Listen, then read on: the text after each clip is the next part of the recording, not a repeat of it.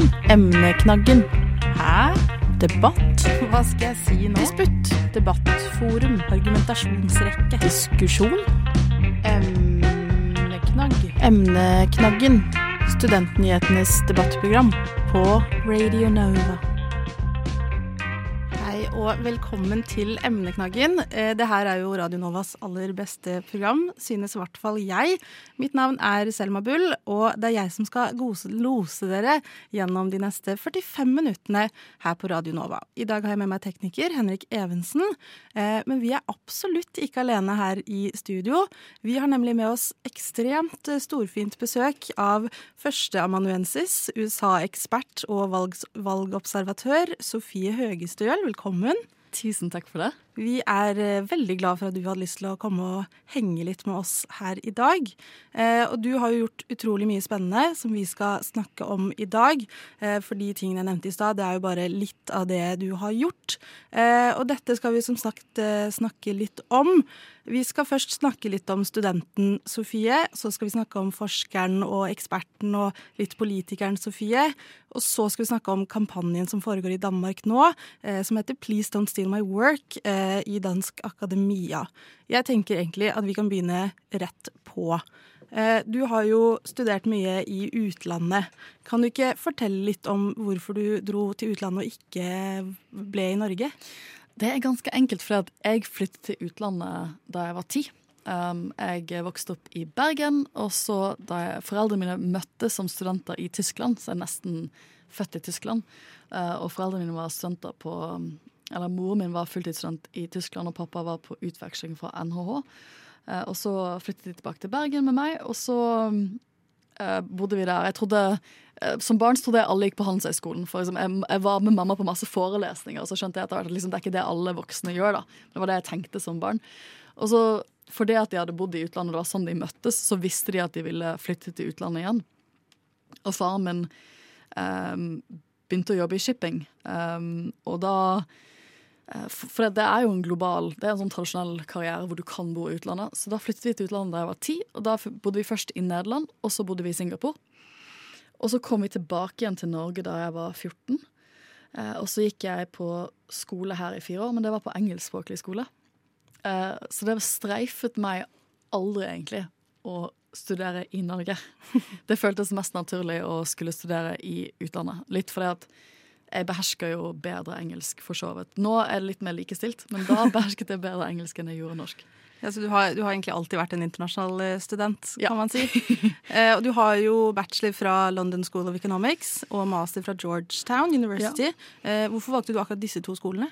Ja, Det er et veldig godt spørsmål. Jeg valgte London School of Economics fordi at når vi skulle velge fordypningsfag det var 14, da vi skulle liksom begynne på eh, ungdomsskolebiten da, av sånn internasjonale linjen, så måtte vi ta vi måtte, For da, da må du reelt sett i det engelske skolesystemet så må du velge en del valgfag som legger litt føringer på hva du kan søke og ikke søke senere. Hvis, vel, hvis du velger da, sånn som jeg gjorde, en sånn samfunnsvitenskapelig eh, eh, portefølje, så kan du eksempel ikke bli eh, Du kan ikke bli lege.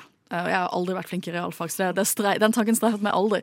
Men de har en sånn U- UCAS, som er det brit, britiske sånn, eh, samordnet, samordnet opptakssystemet. De hadde Dette er jo sånn, dette er jo lenge siden. Dette er jo sånn 2000 2001 så hadde de allerede da en nettside hvor du kunne gjøre en sånn tester på hva du burde studere.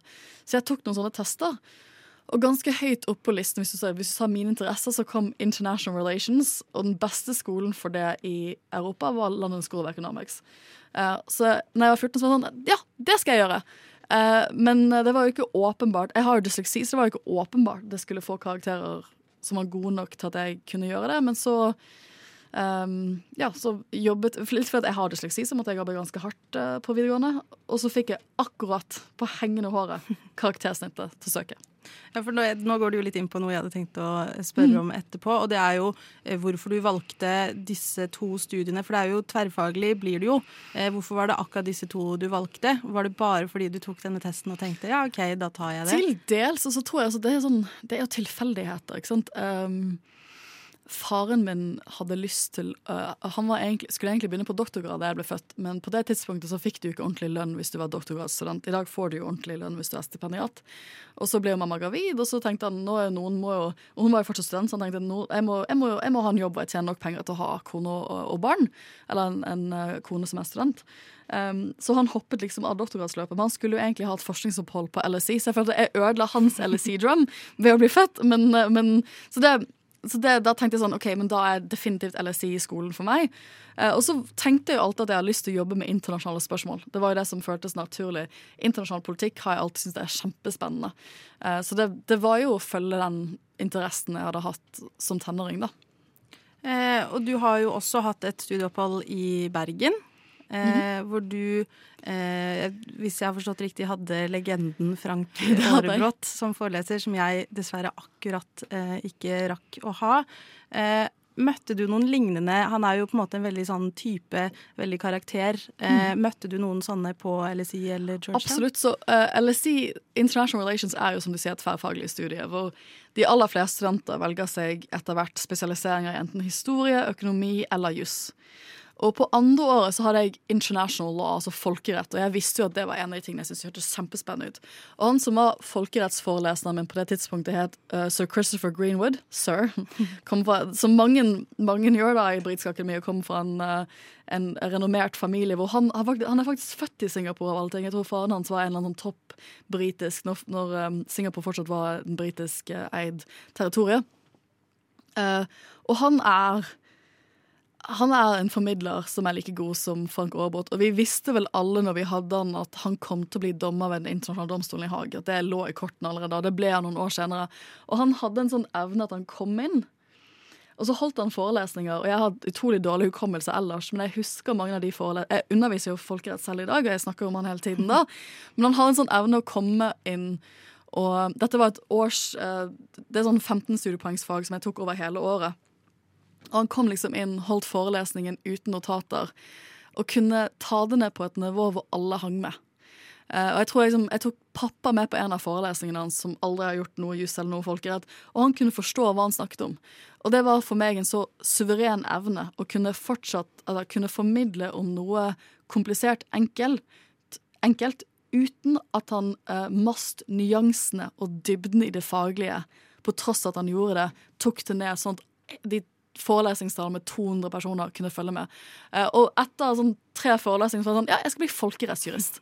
Så det var, det var, også et sånt skjebnesmøte. Og da, da for, uh, fordypet jeg meg videre i juss, og det kan du gjøre i England. Så jeg har egentlig en dobbel bachelorgrad i, i juss og internasjonale relasjoner. Og så uh, var jeg praktikant ved ambassaden i Haag. Og så skjønte jeg idet jeg var praktikant ved ambassaden i Haga, at norsken min var veldig dårlig. For da måtte jeg liksom skrive sånne UD-dokumenter. UD er jo sånn ganske sånn språkfikserte. De, sånn, de, har et veldig sånn typespråk. Moren min jobber nå i, i, i, Utenriksdepartementet, og de har et veldig sånn typete språk. Og jeg skjønte etter hvert at de sånn, jeg behersker ikke voksen, voksen norsk på et, på et, nivå hvor jeg kan jobbe for UD, f.eks. Uh, så da tenkte jeg sånn OK, hva gjør jeg nå? Nei, jeg tror jeg må rett og slett krype til korset og studere et år i, i Norge for å bli norsk. Også for liksom, da hadde jeg jo bodd ute ja, ba, Da hadde jeg bare bodd i Norge i fire år, da mellom 10 og 23.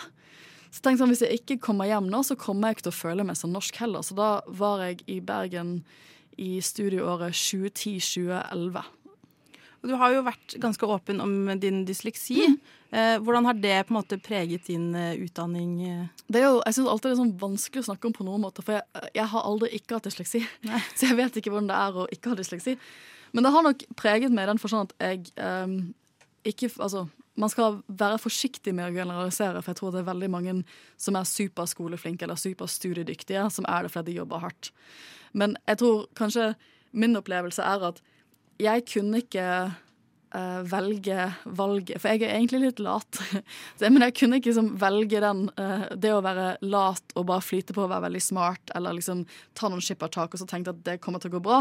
Jeg måtte en, lære meg en viss selvdisiplin fra jeg var tenåring, for at jeg skulle kunne mestre uh, prestere skriftlig like godt som jeg gjør muntlig. da, rett og slett. For dysleksi er sånn, det er ofte vanskelig å definere, men dysleksi handler jo rett og slett om at den delen av min, min hjerne som koder språk, er litt forskjellig fra folk som ikke har dysleksi. Så når jeg hører ordlyder, så kan ikke jeg se for meg bokstavene til den ordlyden på samme måte som det du kan, da, hvis du, hvis du ikke har dysleksi.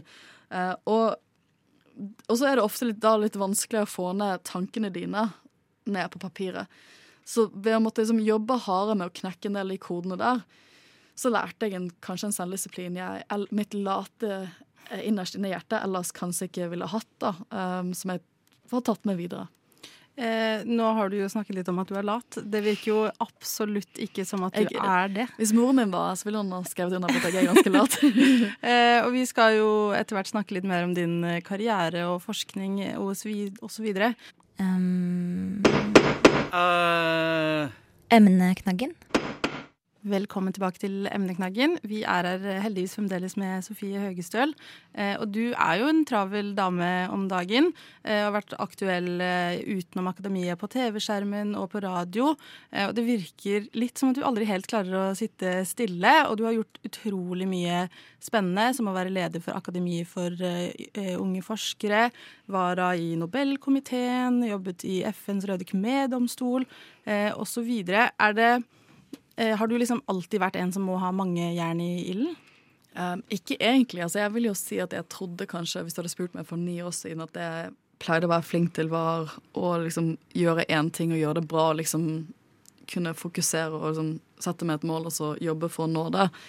Så det har jo egentlig Jeg vil jo si at jeg er jo det er jo morsomt med CV-er, for du leser jo opp en CV som jeg ikke helt kjenner igjen. For Det blir jo sånn glansbildeoverskrift. Mens jeg tenker på Uh, alle de gangene det ikke har gått, eller liksom de tingene jeg sa jeg skulle gjøre som jeg ikke greide helt å få til, eller du, du, du, du, vet Det er jo ikke Den virkelige historien er alltid mye mer kompleks enn bare de glansbildene fra en CV, da. Um, men, uh, men det, har, det, har, nok litt å gjøre med når jeg kom tilbake til Norge i 2013. For da hadde jeg liksom, med unntak av det ene året i Bergen i 2010-2011, så hadde jeg jo bodd i utlandet fra jeg var 18 til 27. Eh, og så kom jeg tilbake til Norge i 2013, og da merket jeg veldig akutt at jeg hadde, jeg hadde et par venner fra videregående, men mange av de jeg gikk på videregående med, de bor jo i utlandet fordi det var engelskspråklig. Det var derfor vi gikk på den engelskspråklige linjen. Ikke alle de var norske. Så jeg kjente ikke så mange når jeg flyttet tilbake til Norge for ni år siden. Og det ble veldig klart for meg. Liksom, jeg var ikke i de riktige miljøene. Jeg kjente ikke så mange. Um, og jeg tenkte litt sånn nå må jeg faktisk jobbe litt med å integrere meg ordentlig i Norge igjen. Uh, og få meg venner og, og liksom um, Når du er stipendiat, så er det en fireårig midlertidig stilling. Og mens jeg gikk og ventet på doktorgradsstillingen min for ni år siden Det tok kjempelang tid. Uh, det tok ni måneder for den stillingen typisk akademia, så, så begynte jeg å søke på andre jobber, og de fikk jeg ikke. Jeg husker at jeg, som, jeg søkte på stillinger og tenkte sånn, dette må jeg være litt aktuell for. Fikk ikke intervju engang. Og så møtte jeg jo en del av de folkene som fikk de stillingene senere, og var sånn å ja, hvordan, liksom, wow, for en spennende jobb, liksom. Hvordan fikk du den? Og så var det sånn ja, nei, jeg var praktikant der, liksom. Så de kom til meg og sa at vi har en ledig stilling, og så fikk jeg den, liksom.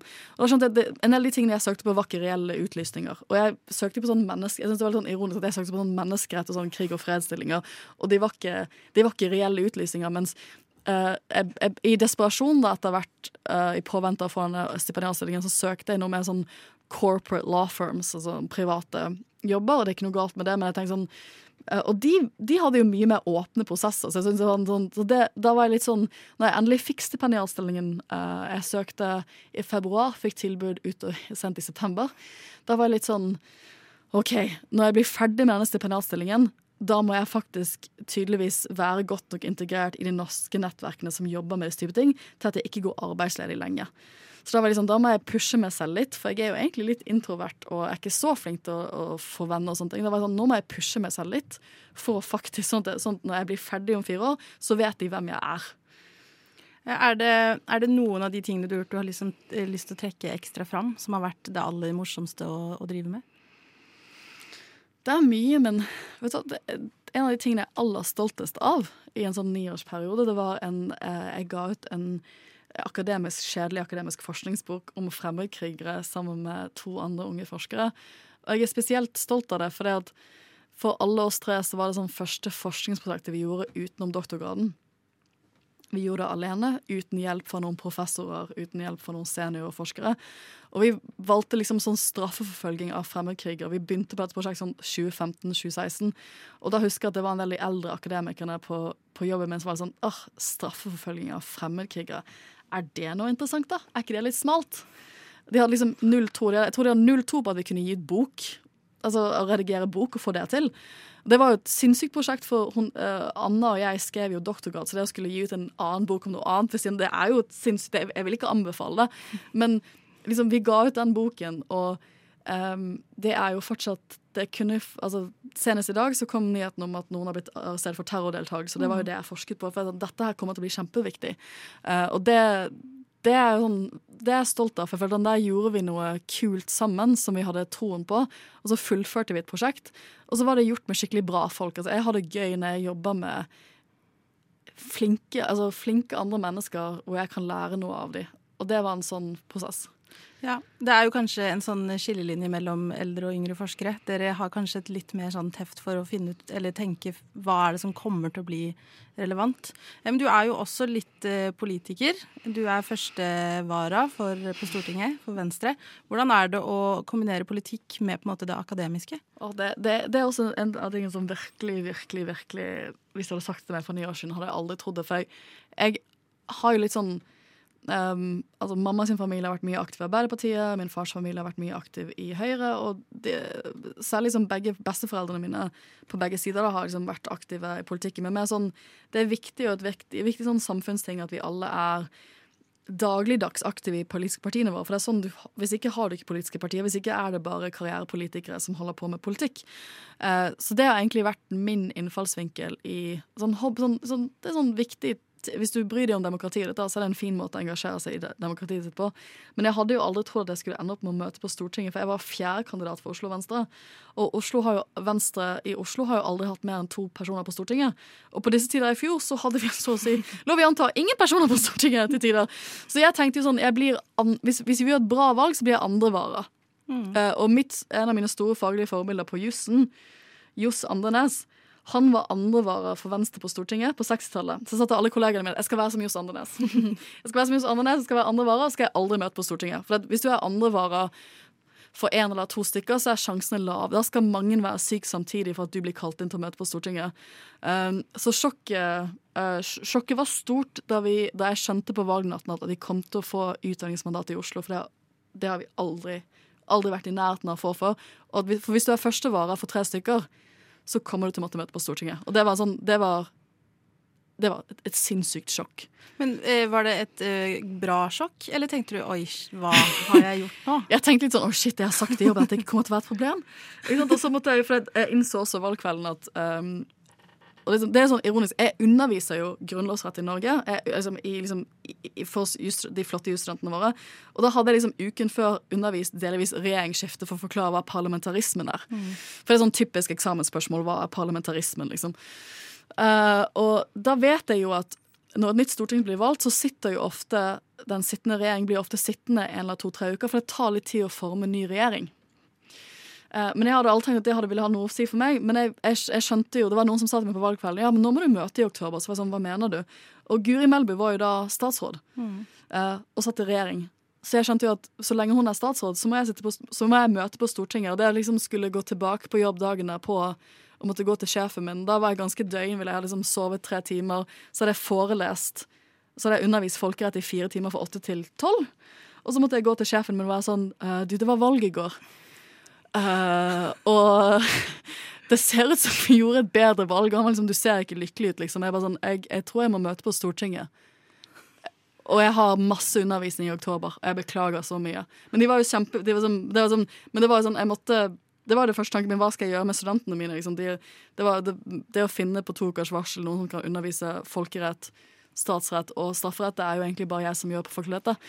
Så det, det er så mange å, å, velge mellom sånn sett? Ja, altså, vi, vi, er jo ikke, vi er jo, det er ikke så mange, liksom. Men det, det, det gikk, jo helt, det gikk jo helt fint, og det Eh, men det var et sjokk. Det var ja. sjokk. Ja. Apropos studenter, du har jo fått pris for din eh, formidlingsevne. Eh, hva er det du legger i å være en god formidler? Det er å snakke Det er kanskje først og fremst å jeg syns jeg er utrolig heldig som får lov til å jobbe med ting jeg syns er veldig spennende.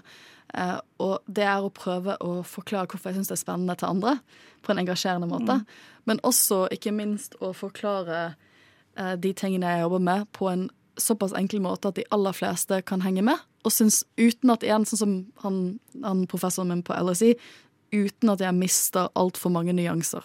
Mm. Det syns jeg er spennende, spennende og vanskelig. Har du noen eh, forbilder når det kommer til undervisning og formidling? Det er jo selvfølgelig Frank Aarbot. Jeg vil jo si at uh, han, eh, Sir Christopher Greenwood også er et stort forbilde. Også for jeg syns han var så raus. Det var klart Han likte studentene sine, og det merker du som student hvis du har en professor som syns at det er genuint uh, gøy. og synes det er, Jeg syns det er veldig engasjerende. Jeg synes det er En av de beste delene av jobben min er jo å undervise, for at du føler at du får lov til å være med og forme ja, For min del er fremtidens jurister.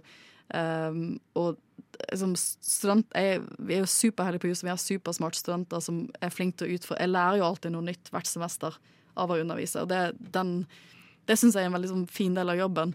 Og så har vi jo mange flinke undervisere på jussen, så det, det, er godt det er et godt økosystem. Vi har mange flinke. Jeg er så heldig å være um, kollega med Anine Kjærulf uh, Hans Petter Graver, som de har alle vunnet formidlingspriser. Så det er ganske sånn god økosystem for formidling på fakultetet. da. Og nå har du jo også blitt eh, en del av eksperteliten i Norge, og er jo ofte den som blir tilkalt hvis man skal snakke om USA, i hvert fall på, på NRK. Eh, føles det ut som et stort ansvar?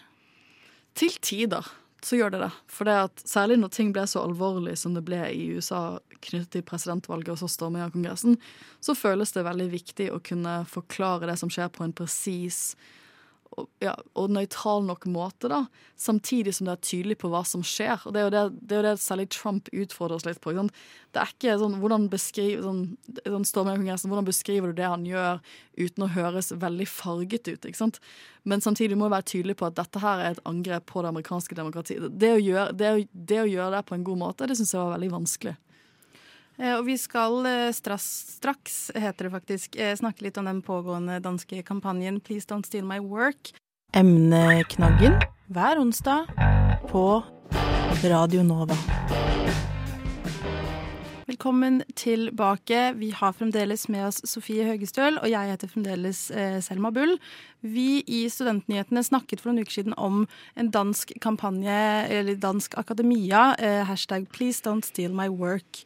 Og dette dreier seg jo om eh, ukultur innen akademia, og da snakker vi om en slags konfliktlinje som nå belyses, hovedsakelig mellom yngre og eldre forskere, eh, hvor sistnevnte kan sies å på en måte misbruke sin posisjon for f.eks. få en medforfattertittel, søke på forskningsprosjekter som andre har begynt å lage, eller rett og slett slett eh, bruke en master eh, som en student har skrevet, og publisere det som en egen forskningsartikkel. Eh, og jeg lurte først og fremst på, Sofie, har du noe liksom, egen erfaring med, med, dette? Jeg har ikke erfart det selv, men eh, altså De vervene jeg har hatt egentlig når det kommer til akademia, det er jo eh, at jeg sånn noen, et år etter jeg ble, begynte på UiO, så ble jeg valgt inn som Eh, representant for de midlertidig vitenskapelig ansatte i universitetsstyret. Der satt jeg i to år, og så var jeg leder for stipendiatorganisasjonen ved UI, og så ble jeg etter hvert leder for Akademi for yngre forskere. Og i løpet av, eh, gjennom de vervene så har jeg jo møtt personer som har stått i sånne konflikter. Og det er sånn, vi er litt mer beskyttet fra den type konflikter på juss, for i juss er det fortsatt ganske vanlig å publisere alene. Men det er veldig uvanlig i resten av akademia. Vi skriver veldig utdatert, eller sånn gammeldagse doktorgrader på jussen. Vi skriver bøker, egentlig.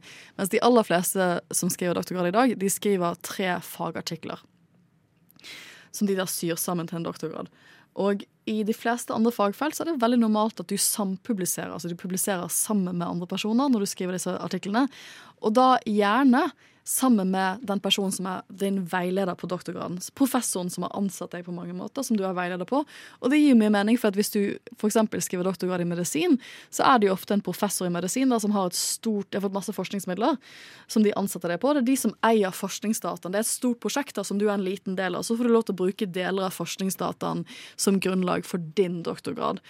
Eh, men den slags type system er jo bygd på ekstreme maktskjevheter på mange måter. For du trenger jo, du trenger jo da ofte eh, veilederen din eller andre professorer på teamet til å de, de, skal jo veile deg gjennom doktorgraden, så du, du, er avhengig av dem for få graden. Du er avhengig av dem kanskje for hele ansettelsesforholdet ditt. Og ikke minst for en videre karriere i akademia. For hvis du er ung forsker i dag, så er det veldig vanskelig å få fast stilling. Tenker du eh, at dette er noe som foregår like mye i Norge, da? Det syns jeg er vanskelig å si, selvfølgelig. For det er liksom ofte problemet i disse sakene at vi har ikke presise tall. Men at dette er en problemstilling også i Norge, det er helt sikkert. Det vet jeg at det er. Eh, og I Klassekampen tidligere i mai så var eh, Knut Røyter, som er vitenskapsombud ved UiO, mm. eh, fortalte at i 2019 så fikk han over flere eller hundre mm, henvendelser, hvor 36 av disse dreide seg om uenighet eh, om medforfatterskap, eh, og noe tilsvarende i, i 2020. Eh, kan man tolke det som en, på en måte systematisk mistolkning eller misbruk av systemet? Jeg tror, også, jeg tror også, Hvis man skulle snakke for professorene, da, så tror jeg nok de ville sagt at systemet ligger også opp til en del vanskeligheter av typen um, jeg har jo altså, Nå snakker jeg veldig generelt her, men jeg har jo erfart personer som f.eks. de skal bli ferdig med den ene artikkelen til doktorgraden sin.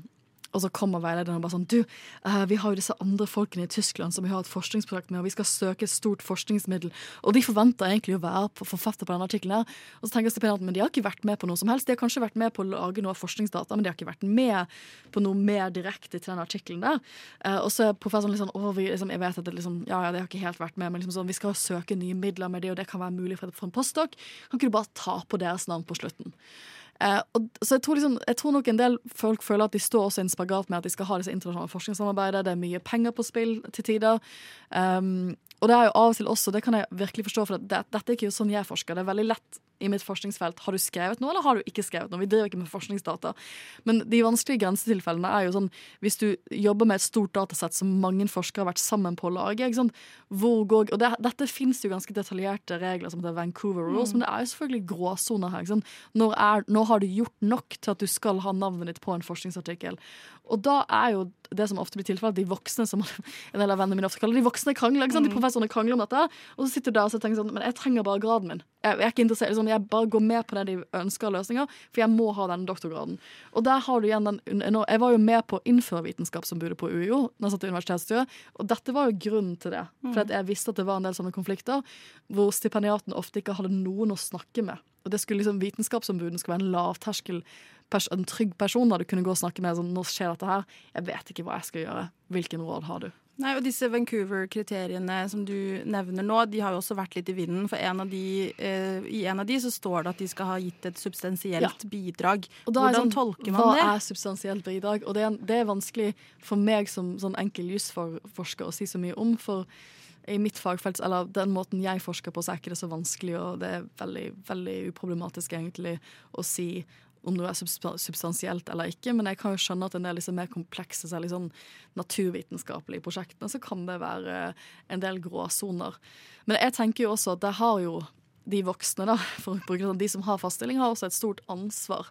Jeg ville jo tenkt at hvis jeg hadde en uh, masterstudent som skriver masteroppgave, og så hjelper jeg vedkommende kanskje en del med redigering og kanskje omarbeiding, så tar jo jeg også et valg hvis jeg da sier sånn, jeg skal ha navnet mitt på det. Mm. Da setter du personen i en maktsituasjon.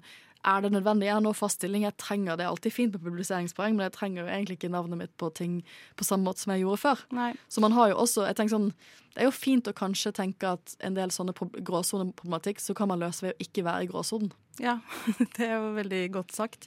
Eh, og innenfor medisin så er jo også eh, dette med det gaveforfatterskap også et ja. konsept. Eh, for der er det veldig viktig at man hele tiden publiserer, og man blir ofte målt opp til det. Og da kan det hende at noen rett og slett gir en annen person en medforfattertittel uten at de har hatt noe med det å gjøre. Og du har jo vært litt inne på det, men tror mm. du dette, denne problematikken oppstår hyppigere i noen spesifikke studieretninger eller fagfelt? Ja, jeg tror, det, jeg tror man er mye mer sårbar for det i sånn eh, naturvitenskapelig fag, da. For det at man forsker mye mer sammensatt, på sammensatte team. Hvor eh, med, med, forskjellige forskningsdata. Altså det, det, er mer Det kan være mye mer glidning enn det, enn det er sånn tradisjonell, kanskje humsam forskning som det jeg driver med, da, eller sånn samfunnsforskning som jeg driver med, hvor vi ikke har Vi har jo jusbøkene våre, og så skriver vi altså vi, ja, vi, vi, har bare altså, Jeg har jo noen veldig kule kollegaer det må jeg si, som driver med data og statistikk, og sånne ting, men det, det, gjør de fleste av oss ikke. Så jeg tror man er mer sårbar der, for da har man mer komplekse forskersamarbeid enn det vi har, eh, som skaper litt gråsoner. Men det er jo nettopp det, da, at det kan jo sikkert være fristende når man står der og man er veldig redd for at man ikke får de pengene fra Forskningsrådet hvis man ikke kanskje har to til, til publikasjon. Det skjønner jeg, for jeg er, veldig, jeg er veldig ydmyk for at jeg trenger ikke egentlig noen eksterne midler mer eller mindre for å gjøre min forskning. Det har vært fint med litt eksterne midler, men min forskning er ganske gratis. Jeg trenger tilgang til internett, jeg trenger tilgang til en del fagbøker, men jeg trenger ikke så mye mer utover det for å gjøre en tradisjonell jusstudie. Jeg er veldig ydmyk for at hvis du er en ung, hvis jeg hadde vært en ung førsteamanuensis i ja, i fysikk da, så hadde jeg trengt eksperimenter. Jeg kan kanskje tenke ganske dyre maskiner, og det får du via ekstern finansiering. Og da er det, da, da liksom, Hvis du ikke får de pengene fra Forskningsrådet, så betyr det kanskje at du reelt sett ikke har så mye mulighet til å forske de neste årene. Og da kan jeg se for meg at det blir fristende å drive med den type buddy favors. Ja, mm. liksom sånn, ja, nå har ikke jeg gjort så mye her, men hvis jeg kan få en liten, liten medforfatterskap her, så kan du få det neste gang. gjøre det. Men det, jo, det handler jo for meg om vitenskapelig redelighet. Mm. Og det handler om et så enkelt prinsipp at de som har gjort jobben, det er de som skal ha navnet sitt på jobben. Tenker du at det er for stort uh, publiseringspress på, ja. på forskere? Det, eller ja, det gjør jeg. Ja. Vi har et, et system som premierer hyppige publiseringer. Uh, og det er jo sånn, det, Dette er en sånn vedvarende diskusjon som man har hatt i mange mange år i akademia, men um, som, som, premierer uh, ganske hyppig publisering. Kanskje over banebrytende forskning som tar mange år, da. Uh, og som tar litt lengre tid. Men tror du det er at disse tingene skjer mest mellom på en måte eldre forskere og yngre forskere, hvor den eldre forskeren rett og slett på en måte misbruker sin posisjon og, og sier at 'jeg må nå publisere', eh, 'jeg har gitt deg tilgang til laben min', derfor, få, derfor må du eh, si at jeg er medforfatter'? Jeg tror nok dessverre at akademia alltid har vært veldig, et veldig stramt hierarki. Uh, og det hierarkiet til tider funker veldig lite godt for de som er på bunnen av hierarkiet. Og det er jo studenter og gjerne unge forskere. Og det som har, den, det som har forsterket det, er denne midlertidighetsgraden man har i dagens akademia, som man kanskje ikke hadde før, da, hvor du har et ganske stor andel av forskere som er der på midlertidige kontrakter, og så har du de som ikke er det. Og de kan jo krangle i tiår om noe, men det kan du ikke hvis du har en fireårshorisont på pengestrømmen din. Og da skaper det ganske naturlige skjevheter. Og så tror jeg også sånn at kanskje folk ikke er bevisst nok på sin rolle. For jeg merker selv at når jeg snakker med studenter, så tenker jeg sånn at vi er likestilte, og jeg tenker jo i mitt eget hode at vi er nesten like gamle, og liksom sånn Jeg er ikke noe viktigere enn dere, ikke sant? Men så skjønner jeg jo sånn at, at det er jo faktisk 15 år mellom meg og mange av studentene mine. Og det er klart, Hvis jeg sier noe som ikke jeg tenker på som press, eller et, et, et visst signal, så kan det godt være at det motfatt, eh, oppfattes veldig annerledes for en 21-åringen enn det det gjør for meg. Så det er også å være sitt eget maktpotensial bevisst. da. Mm. Um, og det, og det, er alltid vanskelig, for det krever en viss grad av selvrefleksjon. Og også bare kan, kanskje huske at nei, du, vet du, jeg er ikke student lenger. Jeg har faktisk fast stilling. Jeg har doktorgrad. Det er mitt ansvar å passe på at jeg oppfører meg på en måte hvor ingen opplever det som pressende på disse etiske grensene i forskningen. Da. Og En annen problemstilling innenfor dette er jo at man har kanskje varslet til, eh, til ombud, eh, men man tør ikke å gå videre med saken. Mm. Hvordan kan man finne en løsning på det? Jeg syns det er veldig vanskelig. For at, liksom, nå, nå, er jeg helt ærlig. Liksom, jeg har jo hatt uh, stipendiater som har tatt kontakt med meg om sånne stasjoner. Og jeg forstår veldig godt stipendiaten som har tenkt at tenker sånn, vet du, jeg trenger den doktorgraden. Og så har jeg egentlig ikke tenkt å fortsette i akademia. For ganske mange som tar doktorgrad i dag, skal ikke ende opp som professor. De skal ut og gjøre kule jobber utenfor akademia, i industrien eller ja, er, liksom, De skal ha mange veldig kule og viktige karriereveier. Og hvis valget da står mellom å gå inn i en lang etisk strid med veilederen din, eller å bare bli ferdig med den doktorgraden. Bare føye seg til det som skjer. Bli ferdig med doktorgraden. Hva er bedre for enkeltpersoner i den stasjonen der? Liksom, når jeg ikke kan garantere at vi har veldig gode eh, løs, altså, mekanismer som fanger mm. dette opp på en god måte. Da, da, er, det da er det vanskelig. Ja, det, det, blir jo et lett valg, mm. eh, tenker jeg selv. Og den kampanjen her har fått veldig mye oppmerksomhet i Danmark, men den har ikke fått like mye her i Norge. Eh, jeg prøvde å finne litt sånn forskjellige artikler i dag, og jeg fant to i Klassekampen, eh, et par i Krono.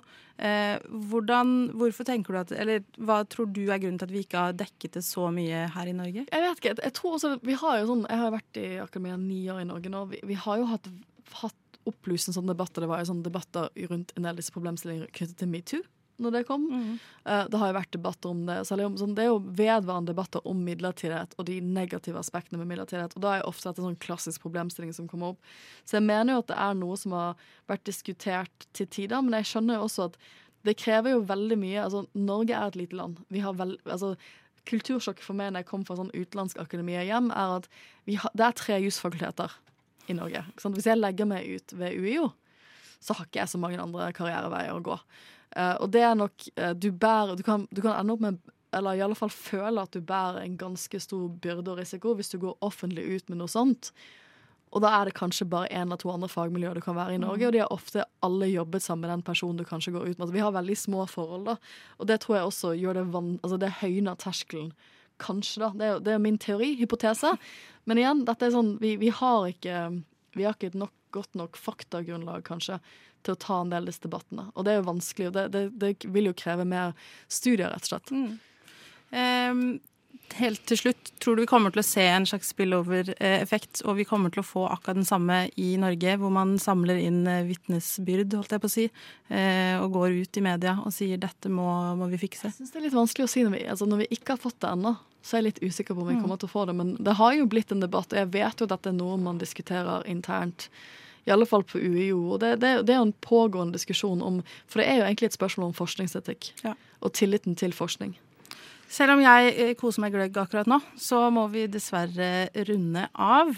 Eh, tusen, tusen takk for at du kom hit i dag. Det har vært veldig hyggelig. Eh, og selvfølgelig takk til alle som har hørt på. Ikke glem at både Emneknaggen og Studentnyhetene legges ut, legges ut som podkast. Og dere må gjerne følge oss på sosiale medier. Eh, medier. Der heter vi Studentnyhetene. Mitt navn er Selma Bull. Vi har hatt med oss Sofie Høgestøl, og tekniker i dag har vært Henrik Evensen. Alle gjerne trenger mer podkast. Du har hørt på Studentnyhetene i dag? Jeg hoppa litt i taket. Jeg var veldig overraska. Jeg hadde ikke forventa å ende opp uh, her, egentlig. Å, hyggelig. Jeg følger bare med å sette høye krav og kjempe for dem, da. Uh, og si at det her er ikke godt nok. Eh, men tusen takk for at du har hørt på Studentnyhetene i dag. Jeg hadde ikke gjort det. Gjort det. Gjort det.